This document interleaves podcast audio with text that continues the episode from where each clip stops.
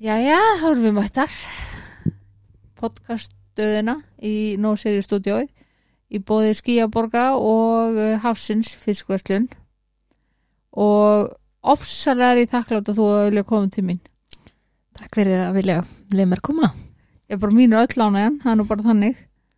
Og þannig að er oft þannig að aðstandendur alkoholista eru ekkit endilega tilbúinur að opna á söguna sín og segja frá en þú ert til í það og ég er óbúslega þakklátt fyrir það. Ég, hérna, já, ég er allan að komin hingað í sófan eða stólinn og hérna, ég er alveg held að ég sé alveg komið, hérna, þetta er komið tími til að kannski aðeins að svolítið, þess að ég myndi segja skila svolítið skömminni kannski. Já, algjörlega. Og hérna bara eins og segi bara útskýra kannski sjónamið eða útskýra sem sagt bara reynslu sem að aðsetnendur geta upplifað og eða hafa upplifað og hérna og hafa ekki kannski ákveðið að fara sem braut og fóldri sínir. Mhm. eða ákveðið, þú náttúrulega ákveðir þetta kannski ekki. Nei, hafa bara ekki fetað sömu braut og Nei, fóldra sinir akkurat. En þá er það bara stóra spurningin hver er konan? Herðu, hún er nú skýrð hann sína Þorbjörg Solbjörnsdóttir notar endar ekki hann sínu nafnið og hérna ég er sem sagt fætt í færium árið 1976 og er því dottin í 47 ára aldrin Já, um, pappi minn er sem sagt eða var færiskur, mamma er íslensk. Mhm. uh, við sem sagt erum þrjú sískinin sem hérna öl- ölumst upp saman. Ok. Og hérna mínar svona fyrstu minningar eru frá æsku eru kannski um frekar óheilbreykt samband varandi áfengisneislu á mínu heimili Ok, þá hjá báðum fóldrum já, ég báðum fóruldrum Ok, um, pappi er áreglega alin uppi svolítið svona harnjarski uppeldi. Mm meðan að mamma fær svona ekta sveita ástrykt heimili alin uppi sveit. Já og í setni tíð að snúlingsárum þá flyttur hún á Akranes og sem sagt, sem sagt þau búa þar eftir að flytja frá færim Ok. skilja þegar ég er örugglega svona millið 7-8 ára gömul. Ok, þá má ég segja að þá hafi hafið svona annar kapli í lífinu þar sem að hún er einstæð mm og erfitt náttúrulega á þessum árum. Við erum að tala um árið 80 og hérna fjögur slis. Og þá var kannski ekki endilega algengt eða hvað? Það var einstæða mæður bara við nokkuð börn. Nei, það var kannski svona þetta var, þetta var erfið tími fyrir hann og hún sem sagt hérna hann pappi var ofbeldismæður Ok. Og hann var líka náttúrulega eins og ég bara drakk mikið. Mm hann átti samt örgulega sína góða hliða þó ég muni kannski ekkert mikið eftir honum Nei, nei, þessum tíma. Um, hverfur hann út úr lífinu ykkar á þessum tíma eða er eitthvað sam, Nei. var eitthvað samskipti eftir þetta, eftir skilnaðin hann sem sagt fer um, flyttu til færi Já. og það er reyni verða í lengir samskipti eftir það. Hann svona sagt, ég heyri bara í honum af og til gegnum árin. Ok, og svo deyr hann sem sagt 2016 ok. Og hérna sem krakki þá er hann alltaf, þú veist að býða og vona. Já, þó að þú kannski kannski höfnun. Já, rosalega mikil að því þegar að sé kannski ekki mikið að góðum sko Nei. minningum með þannig þá er það samt höfnun. Já, algjör.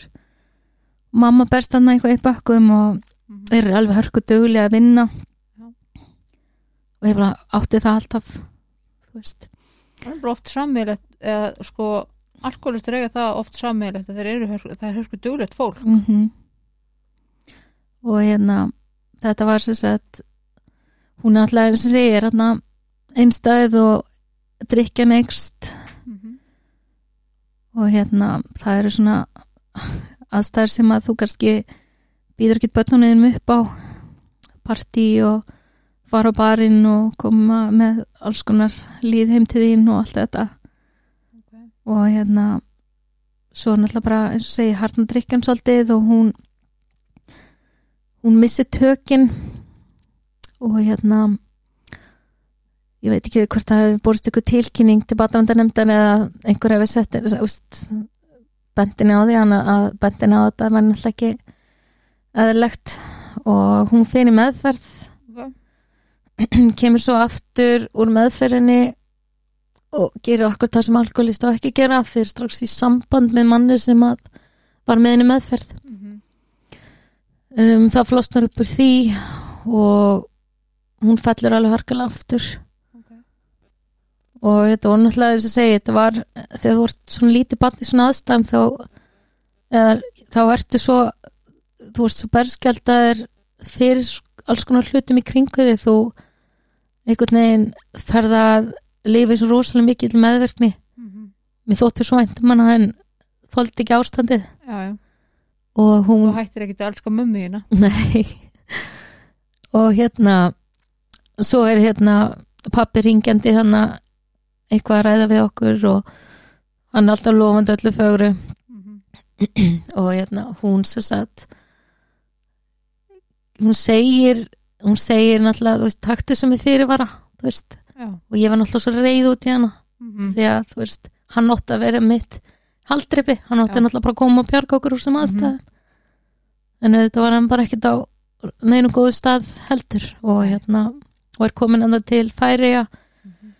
svo kynist hann konu og flyttu til Danmörkur eignast hérna tvönu börn Mhm. sem er alveg um 20 árum yngri ég Ok. og hann sem sagt já, svo missi ég náttúrulega bara eins og ég segi þetta samband. Og svo fer ég svolítið aftur núna í kannski þegar mamma er náttúrulega búin að fara í þess meðferð kemur út, flosnar upp úr þessu sambandi og hún fær sem sagt félagslega íbúð og við sem sagt búum þar. Og hérna og hún hérna ábráðum rosalega erfitt. Þetta er okkur verið bara rosalega erfitt fyrir hana að vera svona svolítið ítt út í þessa meðferð en hún var ekki tilbúin til þess Mhm. þá bara komið eitthvað svona eitthvað spenna á hana Já. að fara svona úrslita kostir kannski. já, og vilt ekkert missa börni en Nei, náttúrulega hvað sem er Já, já. og hún, þó hún væri eins og hún væri þá náttúrulega hafði hún bara rosalega mikið að gefa og hún var alveg rosalega bara indisleg kona Mhm. og rosalega blíð og alltaf bara svo ástrík Mhm. og góð vinkona Vina sína hún hérna við búum með þessari íbúð og eftir að við flytjum sem sagt úr húsin okkar sem að þau höfðu sem sagt keift áður hún áður en að þau skilja Já. þá er sem sagt þetta var hús þetta hús var nýri á hérna við hérna slippin á Akranesi Já.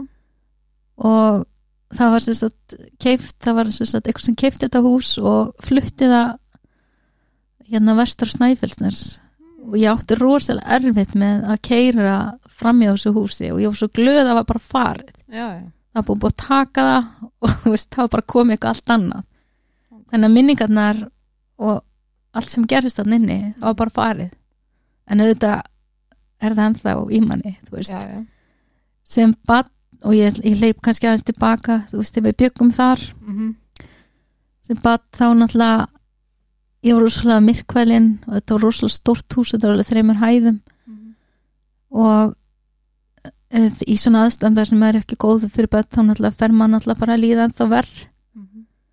og hérna og svo var náttúrulega alls konar fólk að koma þannig sem að maður, þú veist vissi ekki en deila á Já. og ég man eina nóttina þá hefði mamma greinlega fara á barinn og ég vakna við það að það eru allt innum fimm kallmenn inn í herbygginu og, og ég alveg er, er þetta bara raunveruleiki ég ekki svona átt ára eitthvað slegis Já.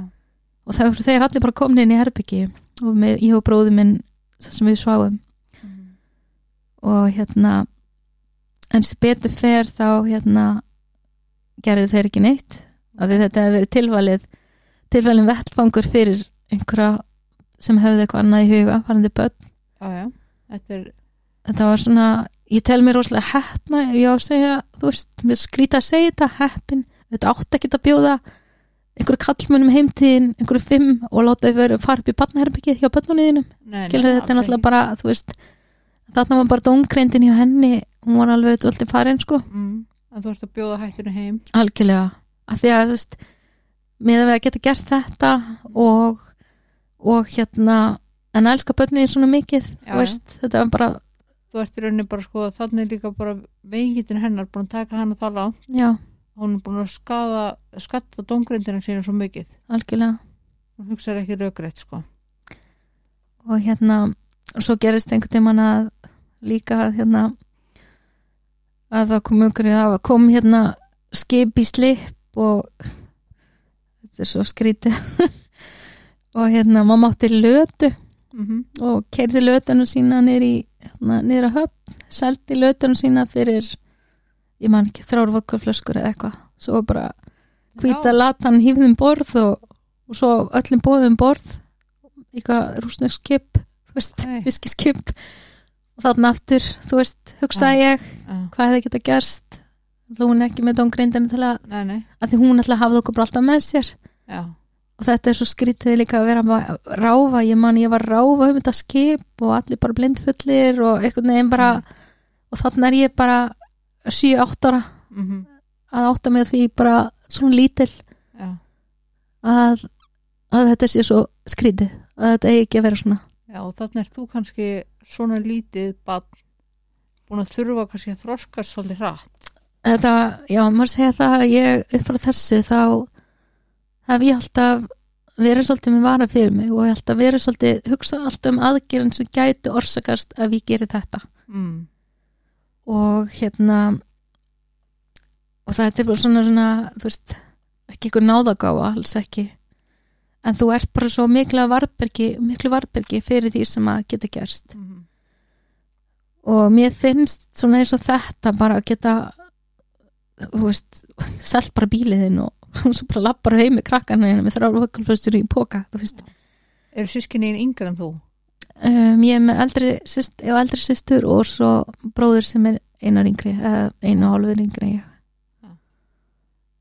Þannig að áttar þau einhvern veginn á því svona í hvað hlutverkum þau voruð fljótlega þá átt, átta ég með á því að hérna, það var, þú veist, eins og segi við þurftum að byrja ábyrð já, já, á sjálfum okkur svolítið. Já. Um, þar sem ég tel mig kannski til kannski að hafa orðið með til góðs er að að því að mamma er í þessum aðstæðum að þurfa að vinna mikið og vera ein með okkur mm er að hún sendir í sveit. Ég er ný, að vera tíu ára. Ok.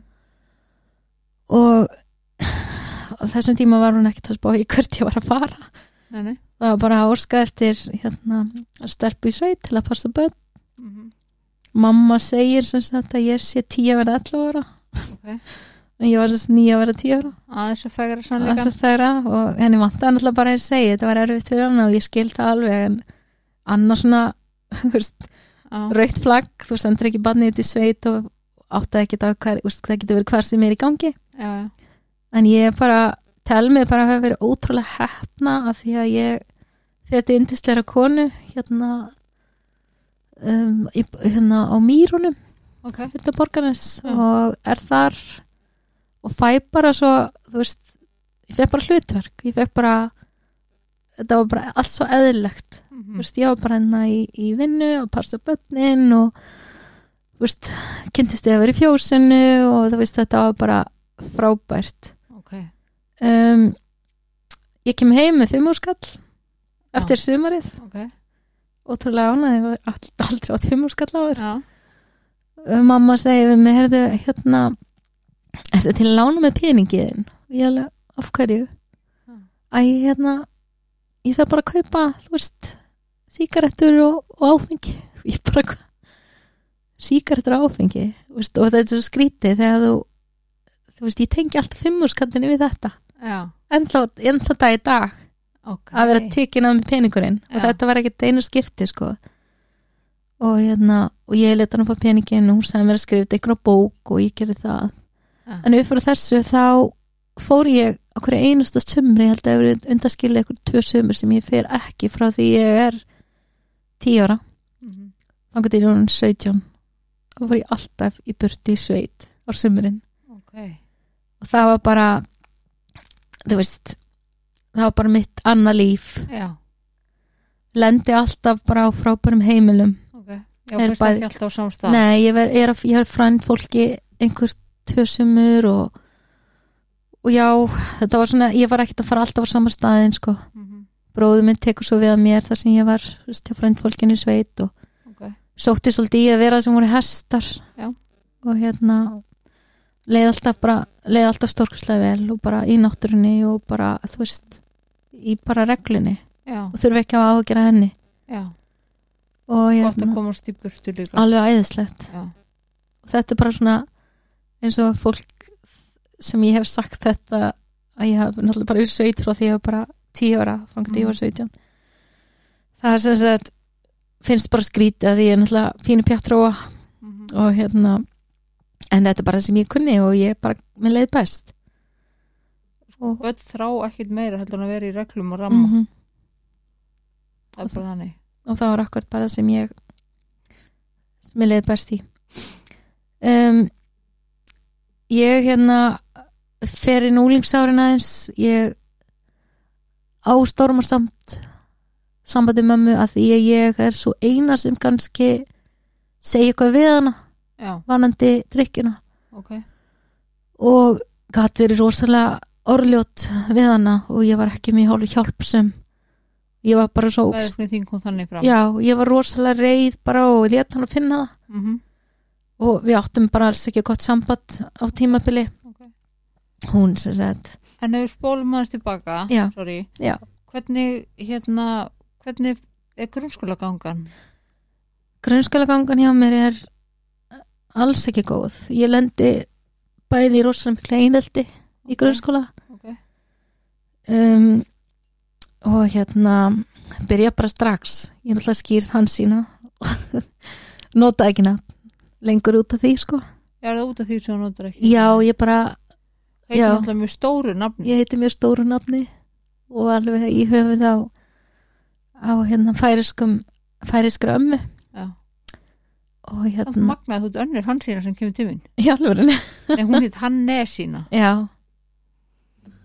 En hérna magna, en mér finnst þetta samt svo þú veist, þegar maður fyrir tilbaka svona veist, í æskuna að, að þetta skuli hafa haft áhrif að því í dag börn skýrð alls konar já, nöfnum ég bara, þú veist, og það er bara í góðulegi en þetta var líka bara eins og með þetta nafn og svona alltaf félagslegar aðstæður sem að, þú veist, já, fóreldrar eru náttúrulega að tala og börn heyra og þú veist, Mhm.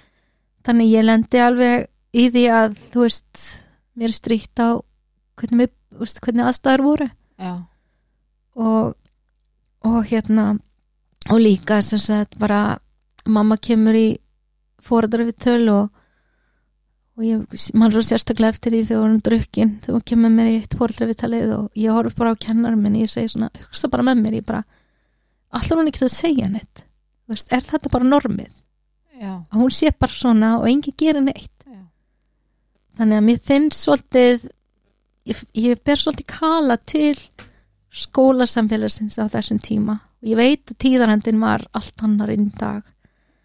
En og líka bara að þú veist að samfélagið skul ekki að hafa hugsað um að ganga frekar þú veist, og, veist að gang, fara frekar í aðstóð okkur Mm. aðstendinuna, eða bönninunnar í staðan fyrir að þú veist reyna einhvern veginn kóa með að greið hún að því að þú veist, Já. hún alltaf til mann sem fór, hún lendi í þessu hinnu, þú veist, þannig að eða verði eitthvað nefn bara að vera bara allt samfélagi meðvirt já, og það er bara er rosalega þetta er rosalega slæmt einmitt að hugsa til þess að mann er hann svo fullorinn í dag að þú veist, og vinn sjálf sem kennari og Já. hérna og hérna, mér finnst þetta svona að þetta á bara ekki að eiga sér stað. Nei. og bara sem betur fyrir í dag eru náttúrulega komin annur lög og annur eftirfylgni en kannski ekki bara alveg nógu mikil.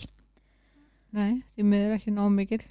En hérna mér fannst þetta var svona þetta var svona ákveðin svona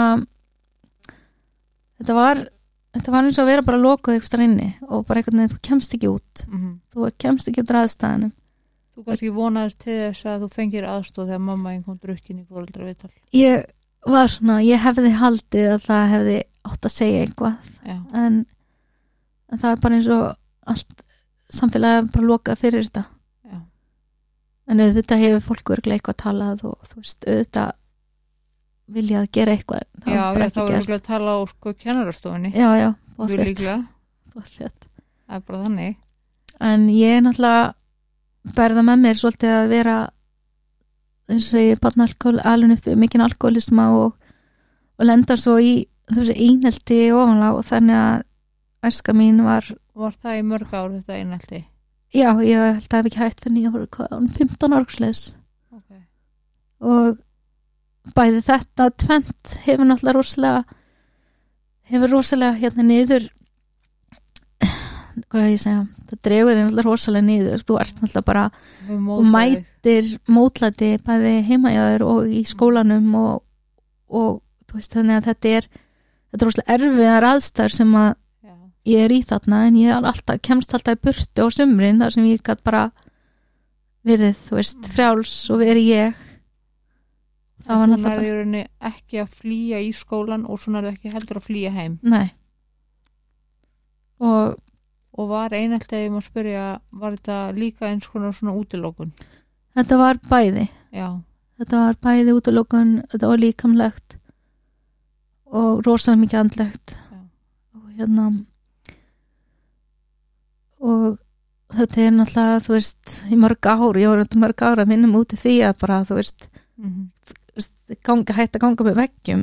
Já, og í dag er ég náttúrulega bara allt önnur manneskja, ég er náttúrulega get staðið upp á sviðið og tala í mikrofónum fyrir framann já. mörgundur manns að ég þyrti þess og ég er Þú setur hér. Ég sitt hér, ég er að ég er að, útskrifa sem kennari árið 2012 og er náttúrulega, veist, í því starfi í dag og ég er þjálfari í vörklass og ég er búin að vera þar í tíu ár. Ég, veist, er ég get stýrt og ég get gert alls konar hluti sem ég hef aldrei geta órað fyrir að ég hefði nokkuð tíma geta Já, gert á þessum tíma. Mm á þessum úlingsárum sem ég er bara vildi helst ekki láta sjá mig sko. Mig. Bara þú veist ekki finna mig og ekki þú veist horfa mig líka við. Það er sko að því að líka sko fólk vil oft, eða fólk gleymir oft sko að útilokunin hún er svo, það er svo stert vopn mm sko. Líka að því að ég vil meina -hmm. Að einhelti byrjar mjög oft við eldúrsborðið heima sko. Já, og til dæmis ef það er verið að nota útilokun að það vera að banna kannski krökkum að leika við eitthvað eða eitthvað Já. svo leið sko mm að þá er það líklega eitthvað sem byrjar heima Já. þarna býr þú í svona erfiðum aðstæðum. Kannski vera að banna einhverjum að leika við þig skilur mig? Já, og svo vindur það upp á sig og það kemur út í andlu og líkamlu opeldi og þannig að þetta er náttúrulega bara hryllilega aðstæða fyrir barn að vera í. Þetta er náttúrulega af tönnu illi þá var þetta bara það. Þú veist þú gast ekkit farið. Já, og, Og- og líka bara eins og segi þetta maður fyrir að segja eftir tíðarandin hann var bara þarna þú, þetta var bara kalla stríðinni í þá daga. Já, en þú veist þetta er náttúrulega bara þetta er eins og ég segi ég bara fyrir tilbaka oft í hugunum og hugsa oft bara veist hvað þetta hefði hvað ég hefði geta fengið mikla aðstóð þú veist. Og, og líka bara hérna veist með sjálfströsti mm -hmm. þetta er náttúrulega brítið rosalega niður. Já, ég og ég er náttúrulega mörg ára náttúrulega að, að hérna finnist ég bara nógu góð mm -hmm. að vinna í því. Og líka bara sem segi þetta er ég fer sem sagt svo í Alan Alanor samtökin. Mm -hmm. ég er 13 ára. Og það, ung það. Ég er rosalega ung og það var bara, ég var bara gripin af konu. Ok, sem ég var einmitt að passa hjá sem að reyndist reynda mömmu rosalega góð vinkona í setjum tíð. Ok, og hún sjálf búin að glíma við mikinn alkoholisma ok. Bendi mér á að koma eða fara sérst á fund. Þar sitt ég náttúrulega með konum sem eru veist, mæður og mm -hmm. hérna eiginkonur og þú veist al, hérna alkoholista Mm þá í þá dag var náttúrulega það var ekki tala um fíkn eða fíkil eins og er í dag sko þú veist, náttúrulega ég átti rúslega erfitt með að skilgræna þetta Mhm. vera alki og fíkil þetta var svona, varst bara fíkil vera bara eitthvað sem var fíkt í dópinu og Já. alki væri veist, Já, já. og hérna þannig að ég eins og segi, ég er á fundi með þeim og hérna, þetta hjálpaði mér alveg gríðarlega mikið, þetta hjálpaði mér alveg rosalega mikið að sjá og fá að tala. Mhm. fyrstu árin voru bara ég, var ég bara í pontu að gráta. Já, að segja ykkur ræðilegar sorgarsögur þú veist, Já. leið mér. Já, að ég hugsa tilbaka þá er það bara svolítið þannig. Mér leið bara eins ég væri bara að fá að blása. Og þannig var bara einhver sem að bara tók utan með eftir Mhm. og sagði bara þetta er allt til að það er allt til að líða svona Bara Loksins var einhver sem hlustaði. já og ég sem sagt upp á þessu sem sagt ég fyrir að fara á fundi þá hérna er stofnið Alantín deild á Akranesi Ok. og hérna sem betur fyrir að því við vorum hérna einhverju krakkar sem mættu og svo bara einhvern veginn flosnar það upp einhvern veginn Mhm. og svo er ég sem sagt að nálgast kannski bara 15 ára aldrin og þá breytist svo mikið þá allt í einu fæ ég ykkur ákveðni viðurkenningu eða eitthvað, þú veist, það bara hættir ég fekk reyndar að heyra sem sagt þetta hérna með, þú veist, þessa félagslu útskúfin Mhm. að kennari minn hafi rætt sem sagt við alla fóreldrana og sem sagt þetta bara þetta nú væri komið nóg Já. en þá að ég 13 ára gömul sem sagt um, reynt mitt reynt sjálfsig Ok. út af þessum aðstæðum Já, og ég held hún hafi tekið eftir í eitthvað slis eða veist, ég hafi reynt að skera mig eða eitthvað Mhm. var auðvitað í ykkur sjálfskaða hegðun eða eitthvað slis Mhm. en þú veist þetta var bara þetta var bara eitthvað svona ég bara gat ekki meir nei, kalla hjálp. já algjörlega Já. og ég held að hún hafi bara þú veist, hún baði mig upp, frá því. Að fá að ræða málin en ég neita alltaf sko Mhm. þú veist, en þú náttúrulega átt að geta láta bann í þessum aðstæður ráða þú Nei. náttúrulega átt að vera svona einstaklingur sem Mhm. að tekur, þú veist, völdin og þú Mhm. berð ábyrðina Mhm.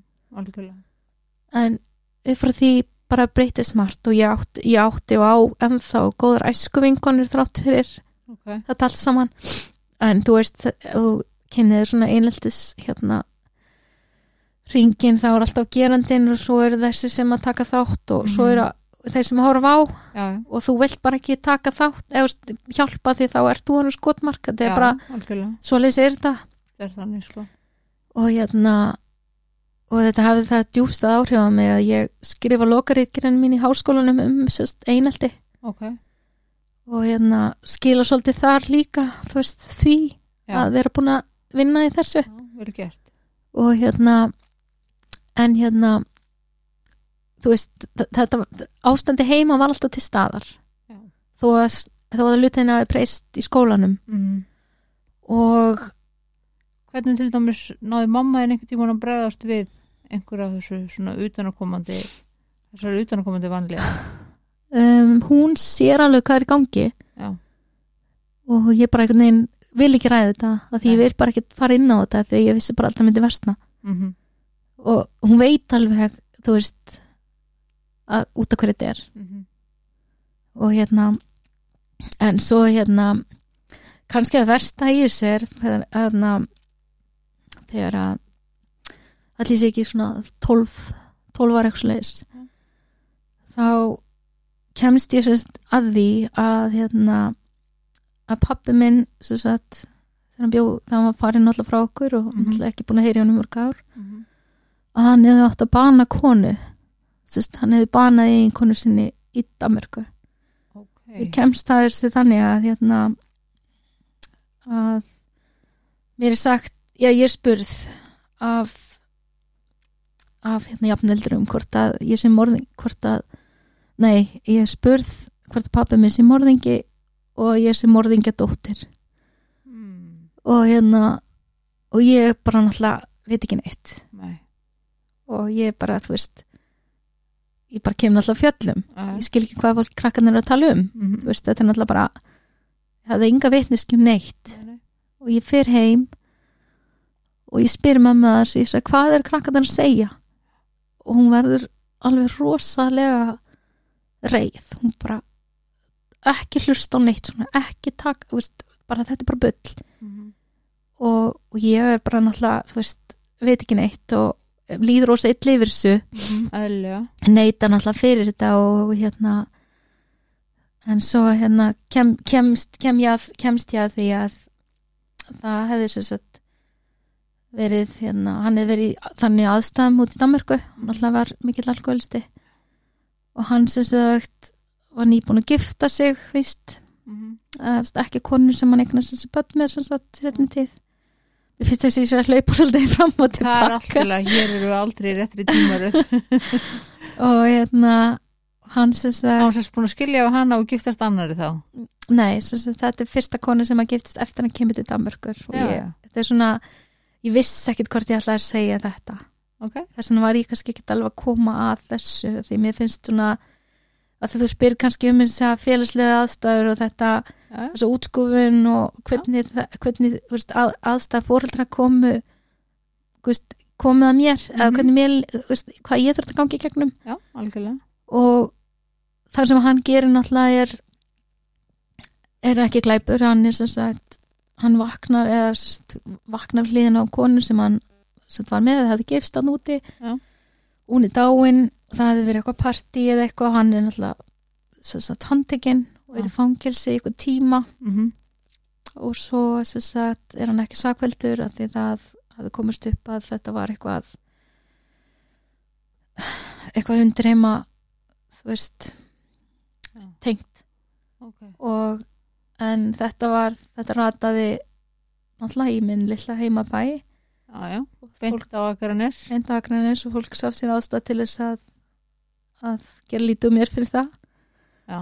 Um, það hafði einhver farið með sagt, eitthvað dansblað inn á sagt, inn á laurglustöð Já. með þessar grein ykkur, ég veit ekki þú, þetta er svo skrítið að hugsa tilbaka í, eftir, tilbaka í þessi ár þegar að það var ekki net, það var ekki En þú varst ekkert bara flett upp á vísi. nei, ekki neitt og fær, eitthvað? finnur sér einhver knúin til að fara með þetta tiltekna blað með þessari grein og það náttúrulega var til þess að það logaði náttúrulega allt út af þessu. Já. og eins og segi hann er náttúrulega situr inn í eitthvað tíma er svo ekki sakveldur og losnar út. Mm um, reynir eitthvað að hafa eitthvað samband minni með ringja eða eitthvað veist og ég er náttúrulega bara hitt hann í rauninni aldrei sko, ég hitt hann aldrei aftur eftir hann fór nema ég Nei. kannski kem að því á eftir. En hérna þetta er svona þú veist þú ert sem krakkið reynin í allar þessar óheilbreyðu skrýtnu aðstæður -hmm. Ekkert með að sem er ekkert með að gera þú lendir í hérna árásum út af þessu Mhm. þú lendir í því að vera útskofar út af þessu og, og þú hefur náttúrulega engi, engi björg Nei.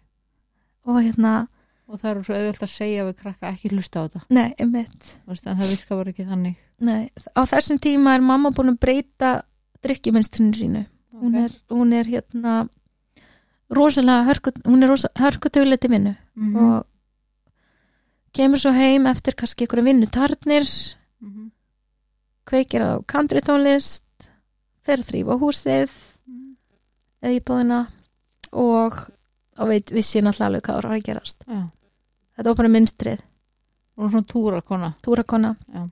Og hérna, hún var samt þannig að hún slefti að drekka á jólunum Ok.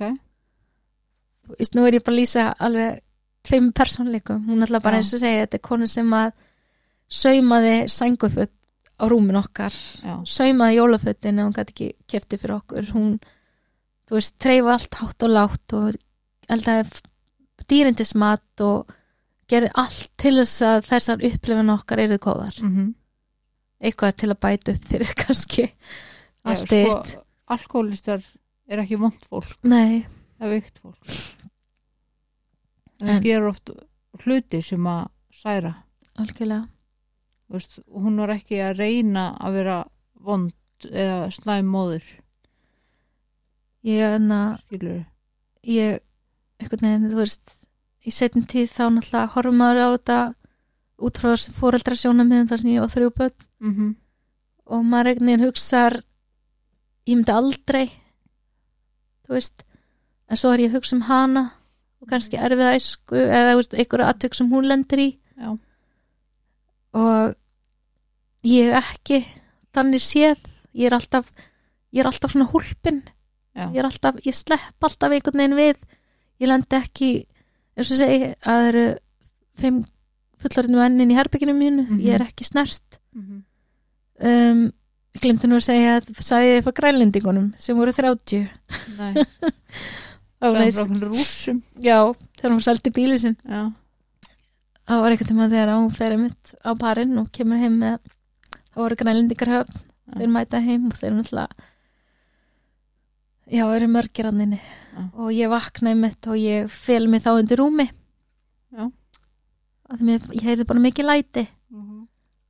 og hérna það var stróslega skynnsamt bann já, þú sér þú, maður fer alltaf í að hugsa um aflengarnar að ég skilur þau, þú veist þú ert alltaf að skrifa undan. Er Þú alltaf varst sá karakter Já, ég var alltaf að hugsa skrif, skrif hvað gerist ef Já, og ég er þannig en þau dag. Já, ég hugsa alltaf þú ert bara þannig karakter. Já, sem að hefur líklega á einhverjum tímapunktum í þeirnu barnasku bjargaðir sko. Algjörlega og ég bara tel mig vera bara svona ágætlega lesin á fólk. Já, og er mjög líklega ástæðan fyrir að þú fetaðir ekki að neinu leitið þessa braut sko.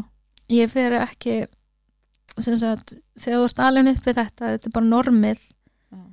þá einhvern veginn ferðu bara þú, ég, ger, ég vildi gera allt sem hún ger ekki. Já, og þegar ég eignast mína, fyrsta, fyrsta dóttur og ég þrjú börn og hérna þá er ég náttúrulega með svo brenglað hérna brenglað sín á áfengi já, að ég vildi fyrst ég vildi ekki að hún sægi áfengi heima á mér. Ég bara, ég vil ekki hafa bjór heima mér ég vil ekki hafa neitt á borðum og ekki sjá Já. neitt.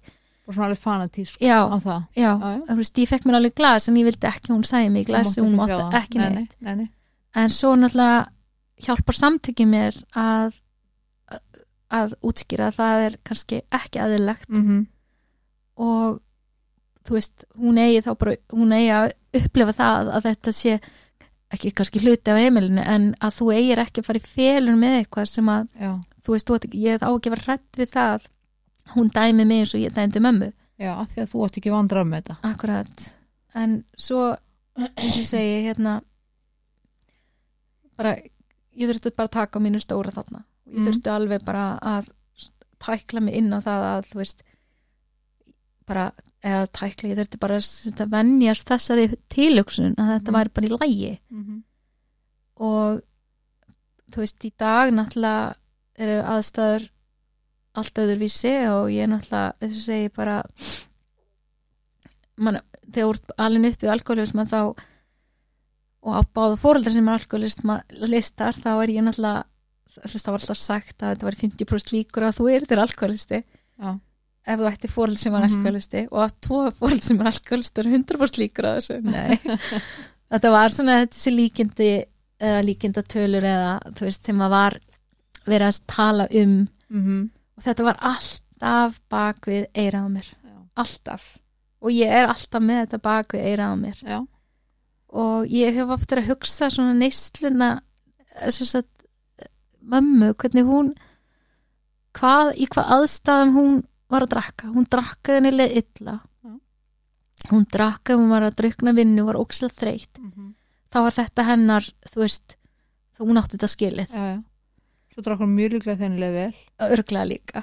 Og þú veist, þannig að ég einhvern veginn eins og fyrir mitt leiti, veist, mér líður illa í undir álægi, ég get ekki eins og borða sko, Mhm. þú veist, hvað þá drukkið áfengi. Já, þannig að þú veist, þetta er svona ég er svona, ég er svona að reyna að líka kannski, eða reyna að fá okkur svona samlíkingu þannig að milli hvað, Mhm. hvaða var sem tryggraði hana mm og hvaða myndi geta tryggrað mig já. skilur þau, Mm en þú ert alltaf þú ert barnalkoholista, þá ertu held ég alltaf varbergi gagvart henni eigin hegðun. Og Já, auðvitað finnst mér alveg gaman að hitta vini og hérna og fá mér í glas og Mhm. skemmta mér. Mm eins og það, ég er mjög mikill extrovert og, og er mjög mikið svona gaman að vera kringu fólk. Já. og hérna, mér finnst líka bara um leið og ert alltaf með baku eirað og þú passar þig með þessa hugsun þá einhvern veginn ertu meðvitari sko Og- leið og ferð að nota áfengi áfengi og önnu vímöfni mm, sem flóttaleið já, þá er orðið vandamál sko. já, algjörlega. Þetta er orðið plástur á eitthvað. Já, og þetta er sko ekki plásturinn minn. Nei. og þegar þetta er ekki plástur og er ekki vandamál skilur mig, þá er það líka bara alltaf lægi já, en þegar þetta er plástur eins og, og lýsir sem með mömmu hérna mm að þá náttúrulega var þetta plástur og hún var að, hún var að nota út á eitthvað. Akkurat. Og nota út á það henni leiðla svo var hún að nota út á það að henni hún var þreytt. Akkurat, svo nota maður út á eitthvað annað skilur þegar þetta er plástur á allt sem vera að í lífinu mm þá er þetta náttúrulega vandamál. Ég held nefnilega líka sko að hérna vitundavakningin í dag meiri fræðsla og að fólk sé svona bara verði bara meðvita um það eins og segi þarna á þessum tíma það var bara, ég er að segja það var ríktin á kennarastofum og já, já.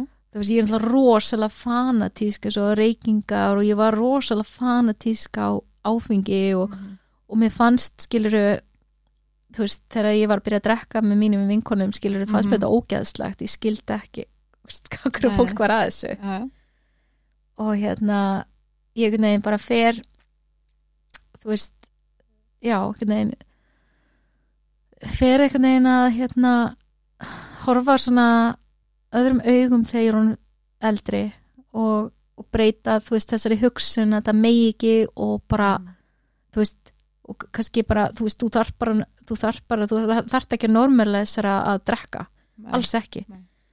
og veist, ég þekki, ég á fullt af vinkun sem að hafa hætt að drekka Mhm, tímabundið og, og bara aldrei, aldrei, aldrei gera aftur mhm. fólk sem að líður breyt líkamannum eftir það, fær bólgur í líkamann og Ok. þú veist og bara líður illa í höfðin eftir það skilur Mhm. það bara fær, upplifir alls konar erfiða tilfinningar Mhm. og þetta er bara eins og segi, þetta er svona þetta er eitthvað svona sem ég myndi alltaf segja að við erum alltaf að vera meðvitið um en, en ég svo veit ég náttúrulega ekkert hvað gerist eftir 15 ár þú veist, þú veist ég get aldrei verið viss um en með hvernig hugsunum mínir í dag hvernig mér líður og hvernig ég nota kannski mín reynslu úr æsku í að vera meðvituð þá held ég að það skipti bara öllu máli. Mhm. ég er náttúrulega bjó í Reykjavík um, flytandi söður eitthvað tíma. Og þar átti ég ákveðin vinahóp sem að var farin að neyta fíknefna Já. og ég þú veist ég hugsaði, ég get alveg farið þarna og ég hefði alveg geta gert það Mhm. en ég ákveða bara að flytja í burtu Ok. og ég bara fór aftur í sveitina þar sem ég gætt bara þú veist, verið óhullt Já. og bara komir í burtu Já. Ég er ekki miklu sambandi eða einhver sambandi við fólk í dag sem að hérna var í þessum aðstæðum Mhm. og þegar ég var yngri á mínu sagt bara, eins og segi þegar við erum hérna að feta okkar spór í þessu við vinkonunnar Mhm. að hérna byrja að neyta áfengis Mhm. það var svo mikið fordæming á, á fíknefni Já. og það er kannski það sem að veist, það situr svo í mér Já. að við vildum ekki og hvað fannst þetta bara ógeðslegt og við Já. vorum bara við skildum ekki hvernig fólk gati þetta af hverju þannig að við, ég bara, ég er kannski með svona barstlega hugsun þarna Mhm. að ég veit alveg að þetta er stort vandamál í samfélagin í dag. Já, já, já. og veist, sko börnir í grunnskóla aldur er að neyta alls konar. Og hérna og það sem er kannski það sem ég langar kannski líka kannski að koma á líka er þú veist hversu auðvelt er fyrir fólk að, að fara sem sagt í að fá pillur sem að deyfa þig Mhm. Mjög öll. og hérna ég til dæmis lendi í því að þurfa að fara í axlaðgerð og hérna og kemur sérst úr þessari aðgerð og hérna var ég bara látin fá eitthvað rótstert Já. man ekki hvað þetta heitir einsinni Og oxi eða eitthvað. já og eitthvað svo leiðis og, og parkotin forte Mhm. Og ég tek hérna, einmitt, ég átti bara að taka lífsels já, skildu og hérna og ég bara æli. Og ég bara æli og æli og æli og mér líður svo ógeðslega illa. Og ég bara hvað er að vera að gefa mér? Þú veist, já, mér álega betur. Mhm, þannig ég bara fer í park, hérna, bara parataps og íbúfen. Og ég bara svona hugsa bara, þú veist, ef ég væri ennþá kvalinn hversu mikið myndi ég geta fengið? Já, og þarna vil ég kannski koma líka inn á að hérna að sem sagt mamma greinist tvisa með krabba minn ok, og hún greinist fyrst þarna 2009 minni með að hafa verið. Mhm, byrjunarstíi sem sagt lúnakrabamenn greinist bara rosalega fljótt og bara ykkur svona reglumbyndin myndatöku var það sem hún var að vinna.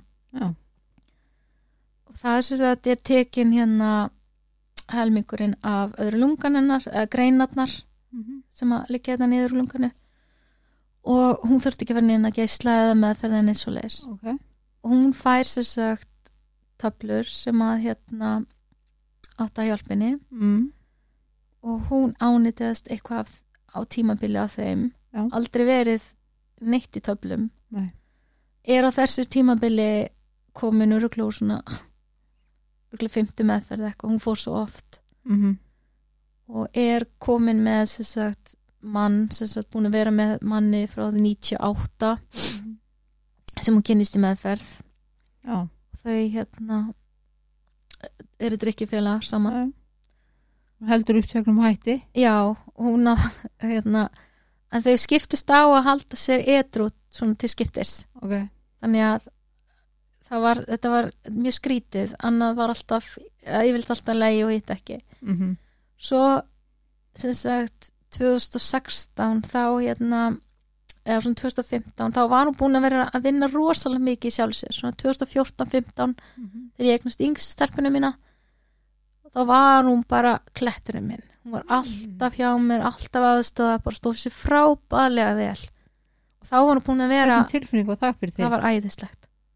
Það var bara já, og við áttum rosalega gott samband saman sko. Ok, og hún sem sagt er þarna kannski búin að vera í 2-3 ár ég get ekki alveg tímasett þetta er svo Nei. langt, langt síðan sko og búin að vera í vinir í bata og búin að Ok. þú veist var með, hérna, var rosalega mikil í sjálfbóðavinnu þú veist og, og náðu alveg löngum metru tíma, gáð, náði alveg, ég held að þetta hafi verið alveg þrjú já, þrjú, þrjú ára allavega ok, ef ég hugsa svona fer tilbaka sko. Já. það er allt í kringum yngstu dóttir mína já, hún var að koma heim og hjálpa mér að brjóta saman þvottin og Mhm. skúra húsið og bara yndisleg og mynda tengslu krakkana. Ok, og hérna svo sem sagt 2016 þá er maðurinn sem hún var búin að vera með þá hérna í hennar lengsta samband Mhm. 18 ár mhm, fram og tilbaka svolítið stormarsamt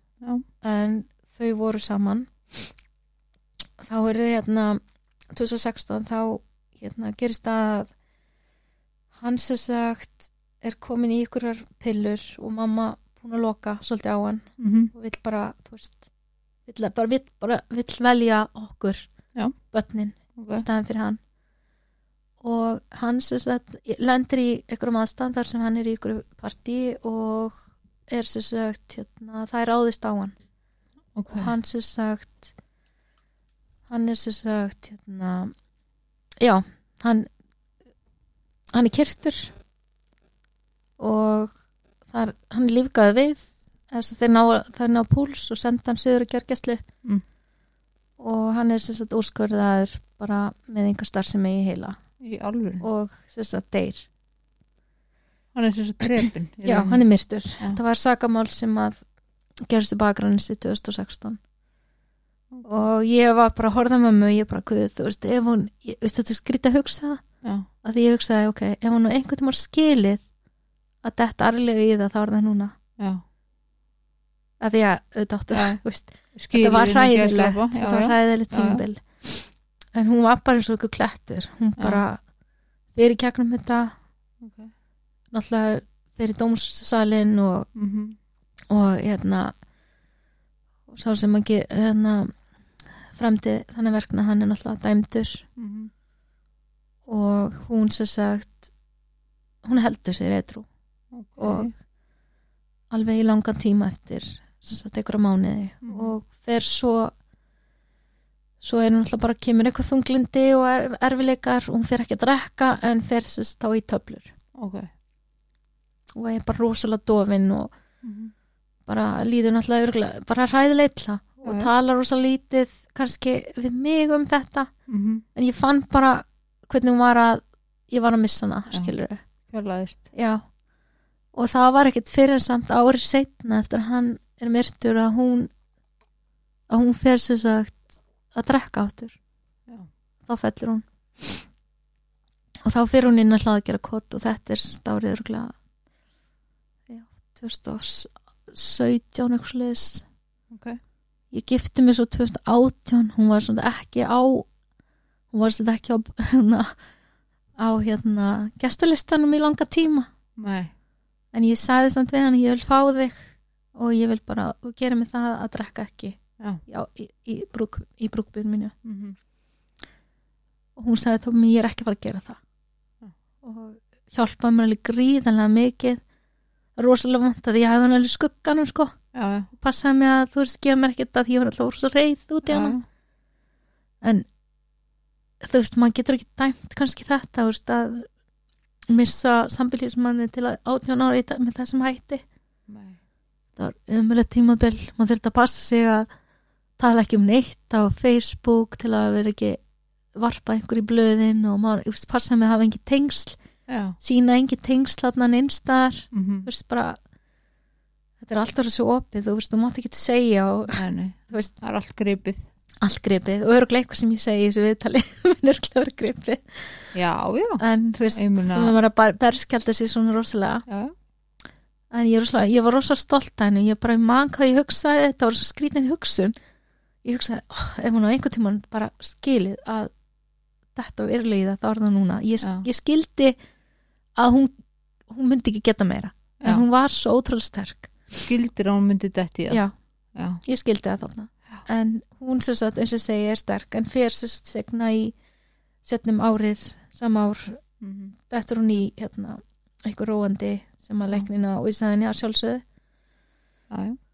Og fer svona hlaðgjara kót og það er síðasta meðferð sem hún fyrir í. Mhm. hún greinir svo sérst aftur með krabba með hann 2018 já.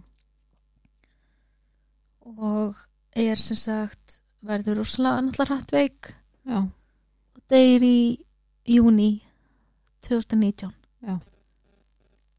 og ég man bara að þú veist við banalegum násulegis ég átti eftir að segja svo mikið.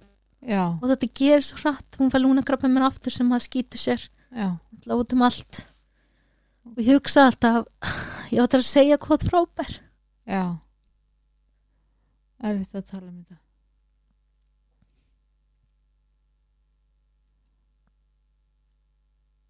Taktu upp bara tíma, þetta er allt í góð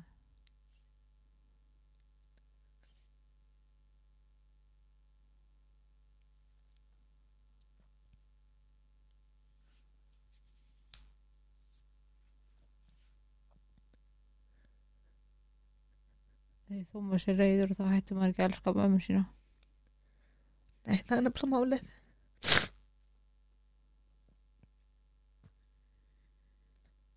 Skrýta sita hérna og halda að mann sér svo sterkur Þú ert mjög sterk að segja frá þessu. Það er það sem sýnir styrkleika. Og geta lofa því að það fylgta fólki sem hlustar sem að mun tengja við þetta allt saman sem þetta segja. Og það er það sem sýnir styrkin. Mér líður bara sem ég sé komin aftur í pontuna 13 ára gömul að segja frá erfileikunum sem að maður uppliði Og það er styrkur í því. Það er mikill styrkur í því. að Geta sagt frá því. Og berskjálda sig svona. en hún sem sagt Ekki eitthvað sem geta það. en ég náði náttúrulega ekki að ræða þetta við hana ég náði ekki að fara í kegnum svona okkar sögu okkar Mhm. líf Mm -hmm. en hérna með því að koma hingar Já. Þá get ég allavega sagt við þá sem að hafa þekkt hana og kannski kannski gaggrínda hana Já. og kannski sem að þú veist skildi ekki hvað er í gangi Mhm. að hún náttúrulega gerði bara sitt allra besta Já. og það var líka náttúrulega að fyrir okkur að hérna búa við þessar aðstæður að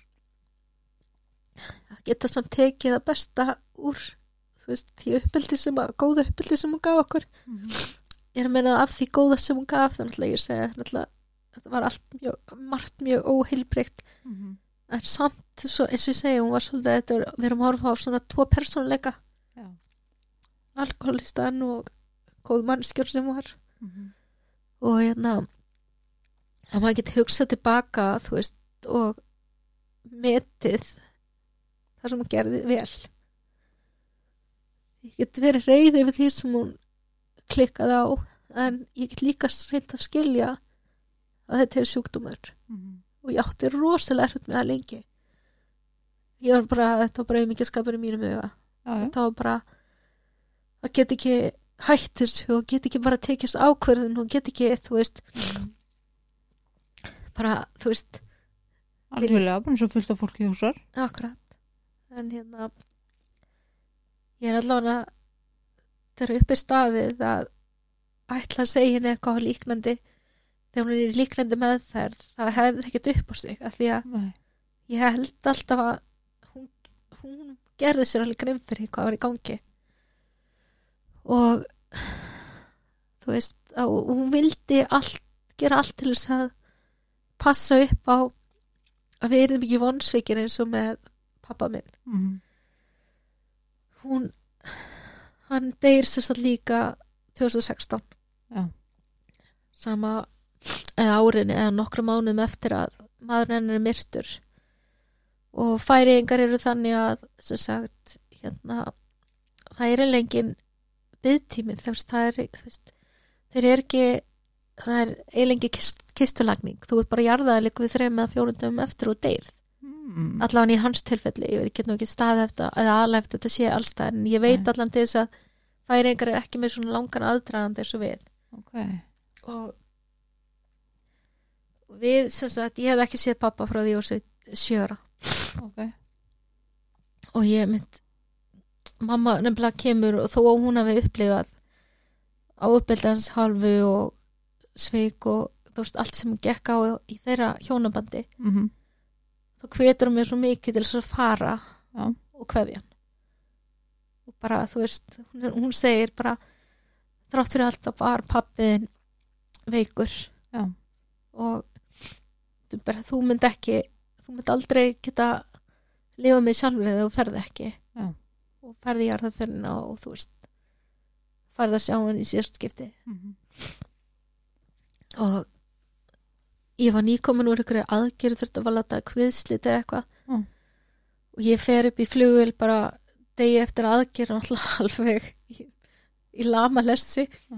tek náttúrulega ekki eitthvað sem ókýrslega sterku verketöfnum að ég Mhm. náttúrulega geta ekki og fer á hörkunni bara til bara Mhm. tveimdum síðan tveimdum eftir hann degir við komum í kirkjuna sem sagt, það er aldrei einhver svona fundur, fjölskyldufundur ég og sest, þrjár systur út í færi Mhm. og svo var ég í kirkjuna daginn eftir og, og þá er kistulagning mér lokar í kistu og ég segi nei ég vil hafa opna kistuna Mhm. og ég hef ekki séð hann síðu sjö ára skilur ég, Þú fá að vita hver er í kistunni. ég vil vita, ég vil fá að sjá hann Já. ég hef ekki séð myndir af hann með neitt Já. Og það hverfur örugglega svona helmingurinn úr kirkjunni af því að þetta var inn í kirkju Já. og því að fólk náttúrulega vildi ekkert vera viðstátt þetta Nei. og hann sem sagt hafði dáið úr sem sagt um, þetta heitir eitthvað kómalunga ég veit ekki alveg hvað það er á íslensku held þess að lung, lung, lungnatempa Já. Ok. og hérna og það er sagt gert þeir taka sagt lokið af og ég fæði að sjá hann. Já. og ég hugsa með mig bara á þú veist ég veist hann ekki hafa breyst neitt á þessum myndum sem ég, við áttum að hann því ég var yngri. Já. og og fyrsta sem ég hugsa líka bara veist, er bara hversu mikill missir mm var hans af okkur. Nákvæmlega. Að hafa ekki ekki haft neinn tengsl og ekki gert sig, þú veist gert neitt til þess að hafa tengsl við okkur eða hafa samband. Og hérna það var óbúslega sorglegt. já, þetta er svona en við fengum reyndar að heyra svona nokkuð nokkra ástæðana fyrir því. Það var sem sagt, hann hafði verið í sambandi með konu. Já. það var svolítið duglegur í því. Já, já, verið í samböndum og hérna hann hafði skilt, skilið við konu sína sem hann átti þess að tvær dætu með og bjó með konu í færium og ég hafði sérst að farið til færi að 2010 ok. á Ólusvöku og reyndi að hafa samband við hann. Og mamma hafði akkurat komið með líka hún var akkurat þar líka á sama tíma. Mm og færi er náttúrulega undir 30 manna þjóð þannig að það ekki svo margi marga þarna -hmm. og lítil þorp út um allt. Og hérna já þeir reyndi að hafa samband við hann. Og ég sem sagt fæ sem sagt engi svör. Ok, og þá hérna svo fæ ég skilaboð bara deginn má hann ég fyrir heim þá fæ ég skilaboð á sem sagt um, á hérna á dönsku.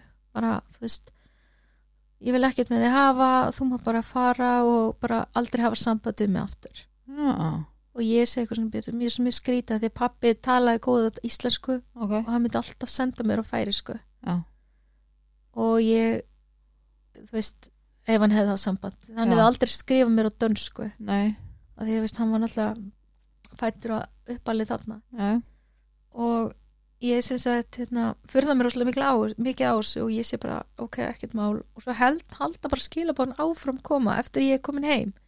Af því ég hafði reynd að ringi eitthvað númer sem ég held að vera hans. Og held að halda bara áfram að koma sér skilabóð og ég, veist ég bara ok, frábært, þú veist ég upplifi eina höfnunin í viðbót.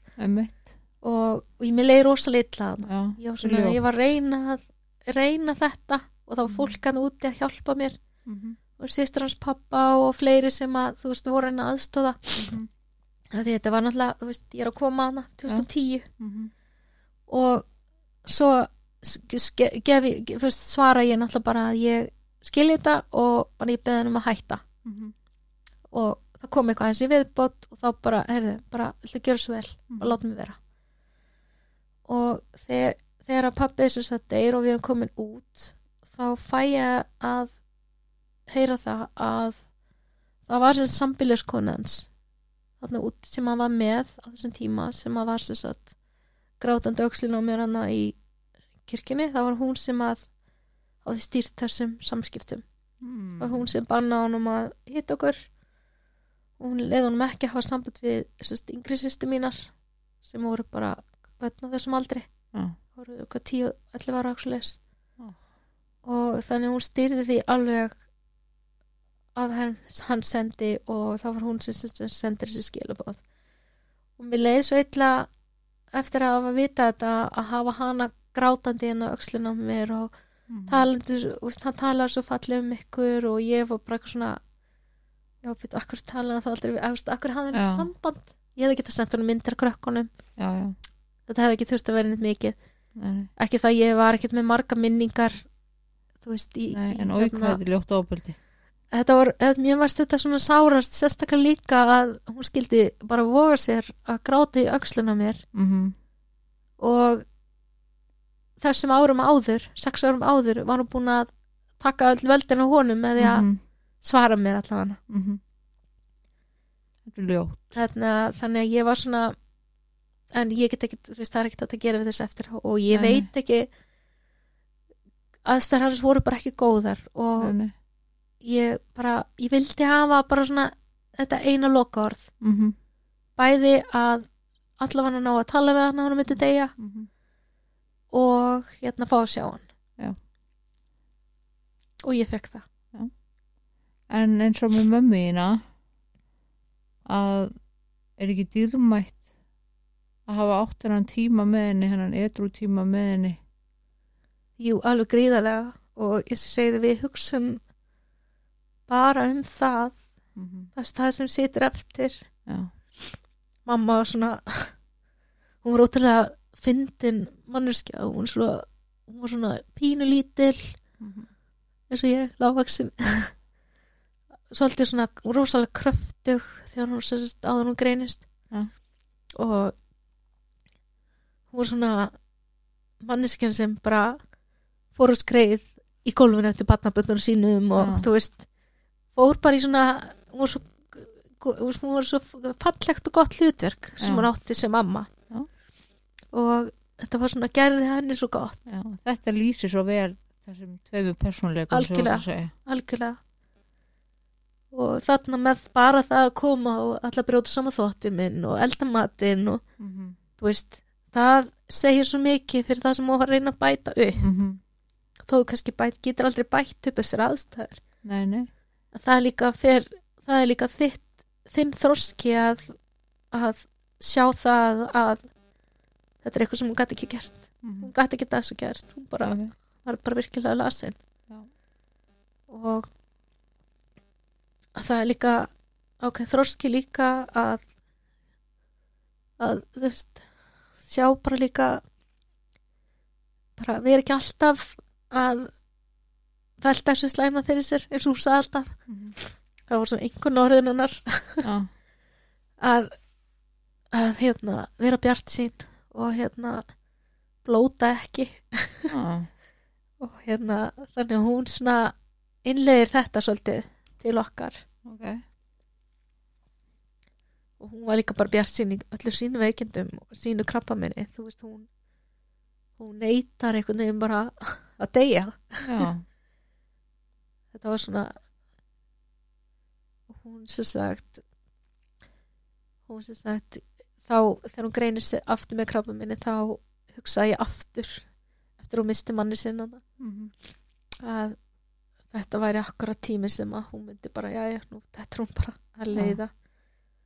En það kom einsni upp á sagt í hennar meðferð og þá bara var það þegar að hún fekk svo sagt að vita að það væri bara hægt að gera Mhm.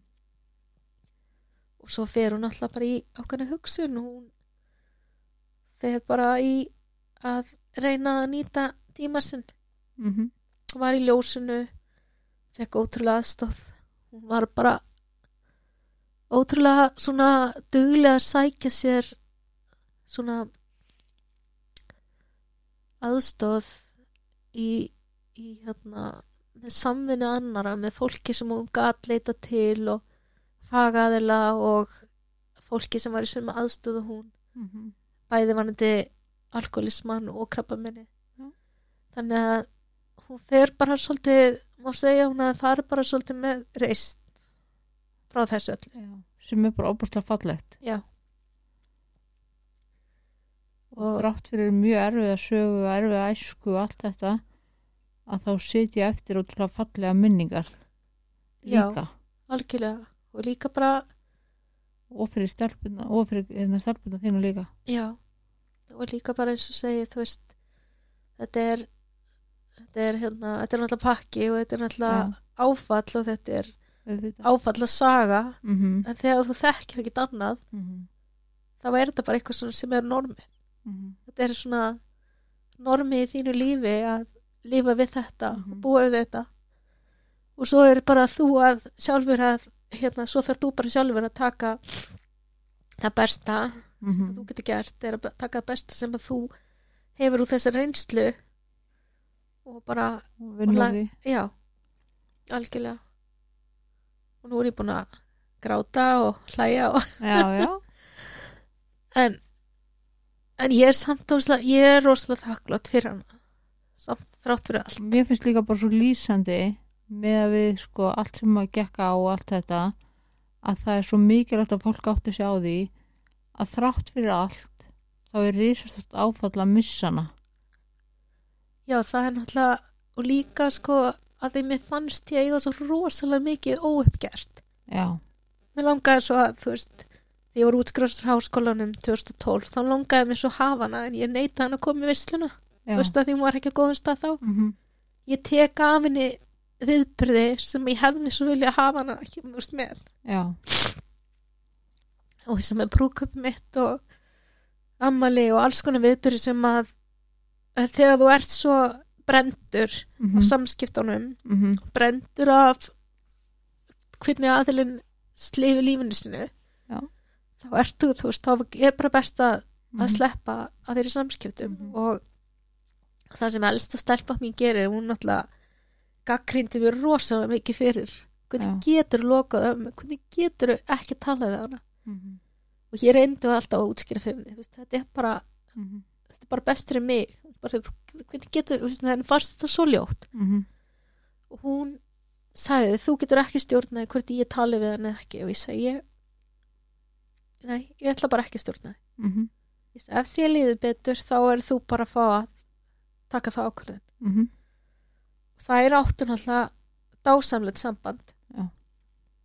og hún oft sagði við mig að mamma ég hefði gett að ringja á mig en hún var í glasi og ég sagði nei, það situr eftir ákveðin reyði mhm, þegar það gerist.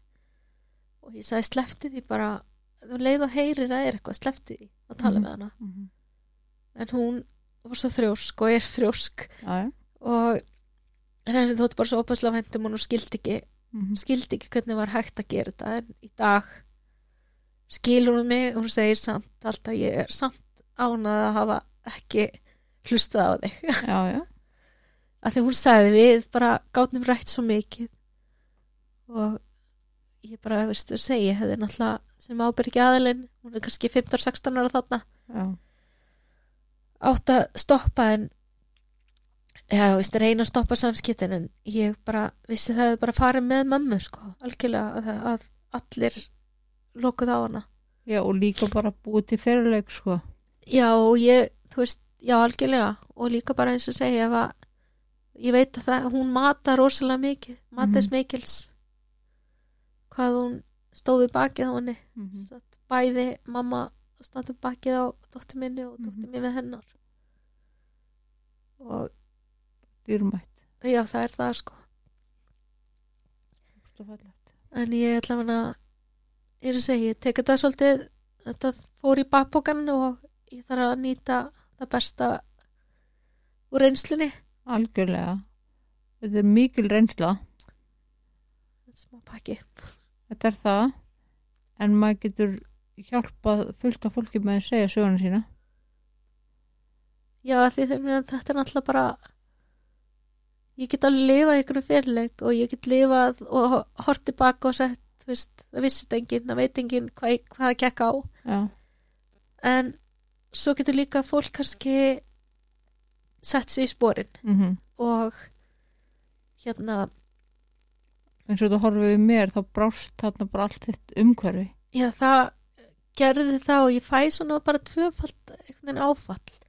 Já, bæði á stað lendi þessu og svo verður fyrir sérst aðkasti út af þessum aðstæðum sem er Mhm. náttúrulega hræðilegar og líka bara þetta að þú veist komast svona að þessu með föðu minn að mhm, hann hafi lendi í fangelsi og vera kallið morðingjadóttir og þú veist, veit ekki neitt og vera Já. bara einhvern veginn svona grunnlaus já, og hérna og svo að mamma lenda náttúrulega í þessu að, að fyrir en eiginmaðurinnar er fangelsaður og, og, og hérna sambilsmaðurinn er myrtur þú veist þetta er mhm, svo mikið svo mikið sem gengur á mhm, í, í svona lítilli fjölskyldu. Já, og bara litlu samfélagi, litlu samfélagi algjörlega. Mér finnst það ég veit ekki ég, ég hugsa oft sko þegar ég var yngri hugsaði ég svo oft að ég ætti bara aðra fjölskyldu ég hefði bara óvart lent þarna. Já, og ég var það er algengt, það var rosalega oft sem ég hugsaði ég lappaði um göttur bæjarins og ég bara ég hlíti alvegni að hafa það er lít, veist, ég líti að vera bara einhverju skipta bönnum eða eitthvað skilur, Já. þú veist, ég á bara að vera eitthvað annars staðar ef ég var ekki svona lítil eins og mamma og, Já, Já.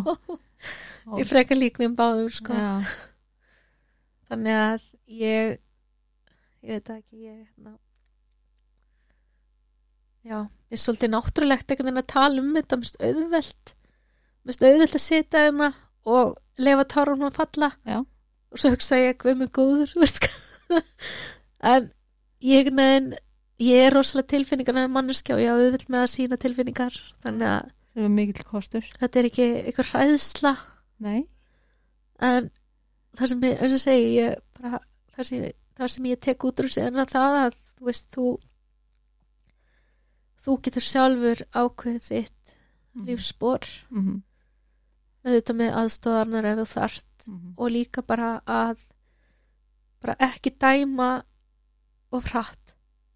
Bara, þú veist gefa fólki sjans gefa fólki séns og líka kannski eh, finnist mér alltaf að fólk það ekki út úr þessu að ef þið grunir að segja eitthvað að bara hjá fjölskyldinu í næsta húsi eða, eða barni í bekknum hjá barninu eða eitthvað að láttu vita. Algjörlega, skiptu þér þú veist ekki bara láta eins og ekkert sé að vera bara meðvirk eða meðvirkur. Veist, það, þú veist þetta kemur okkur öllum við sko. Það er bara það er náttúrulega bara Það og samfélagslega samfélagslega ábyrð já, og það er okkur skilda okkur allra sko. Að skipta okkur af. Algjörlega, veist, að því að við getum breytt svo mörgum með því að bara tala. Veist, og látum okkur hvert annað varða sko. Já, það sé svona the moral of the story sko. Já Er það ekki? einmitt, jú, algjörlega. Og mjög slæmur íslensku. Má veist ekki slanga það með grunnskólakennari? En segðu það, var íslensku kennari. Ég má það og því ég er hætt að kenna. Ef ekki segja það þannig ég held að það er eitthvað annars sem þú vilt bæta við í lögin nei, bara ef það er einhverju ungi krakkar sem að tengja mm -hmm. að það er ekki að hræðilegasta sem til er að, er að leita aðstóðar og, og líka bara eins og segi batavendanemt og félagsmáli yfirvöld eru félagsmáli yfirvöld eru að því góða. Og vilja aðstofa fólk og og hérna. Ekki verið hrætt við að leita ykkur nei, aðstofar alls ekki. Ég vildi óska þess að væri bara eitthvað svona hnappur eða eitthvað í grunnskólakerfinu. Mm -hmm. eitthvað svoleiðis, eitthvað bendill þú getur, þú getur kvartað við vondri lykt eitthvað staðar. Já. og jú, kannski er það einhver bæjarfélum, ég, ég get ekki ekki aleft að það sé ekki. En það þarf að vera eitthvað svona eitthvað, eitthvað, eitthvað hérna eitthvað aðstæða sem að Mhm. ungi krakkar geta farið, þau eru ekki alltaf fara í, kennaran sinn algjörlega sammála og það er kannski eitthvað svona sem ég myndi bara vilja að myndi breytast og ég veit ekki hvort að ég veit að, að ásmundur hann alltaf batn og félagsmálar á þegar hann er á hann er að breyta alls konar sem varandi farsaldalögin mm -hmm. og hefur snúið svolítið kerfinu við og ég er kannski ekki alveg búin að kynna mér alveg nógu mikið en það er sem sagt, mér finnst þetta þarf að vera svona meira opið og við þurfum að vera óhrætt við að að segja frá. Algjörlega Þurfum að le- og líka segja að ekki vera ég, litla stelpan sem held öll inni mér og, og beið eftir að hérna fullarinn fólk kemur bjarga mér. Mm -hmm. að því að þú veist, það gerði ekki. Nei við eigum bara geta sagt frá. Já, og ef einhver vill þá er velkomið að senda mér skilabóð og ég skal gera það sem ég get. Bara þannig. Ég held að það séu góð lokaður í okkur. Bara Já, takk æðislega fyrir að koma og segja söguna þína. Takk fyrir að hetja. Takk fyrir það. bara mín er öll ána og takk þið fyrir að hlusta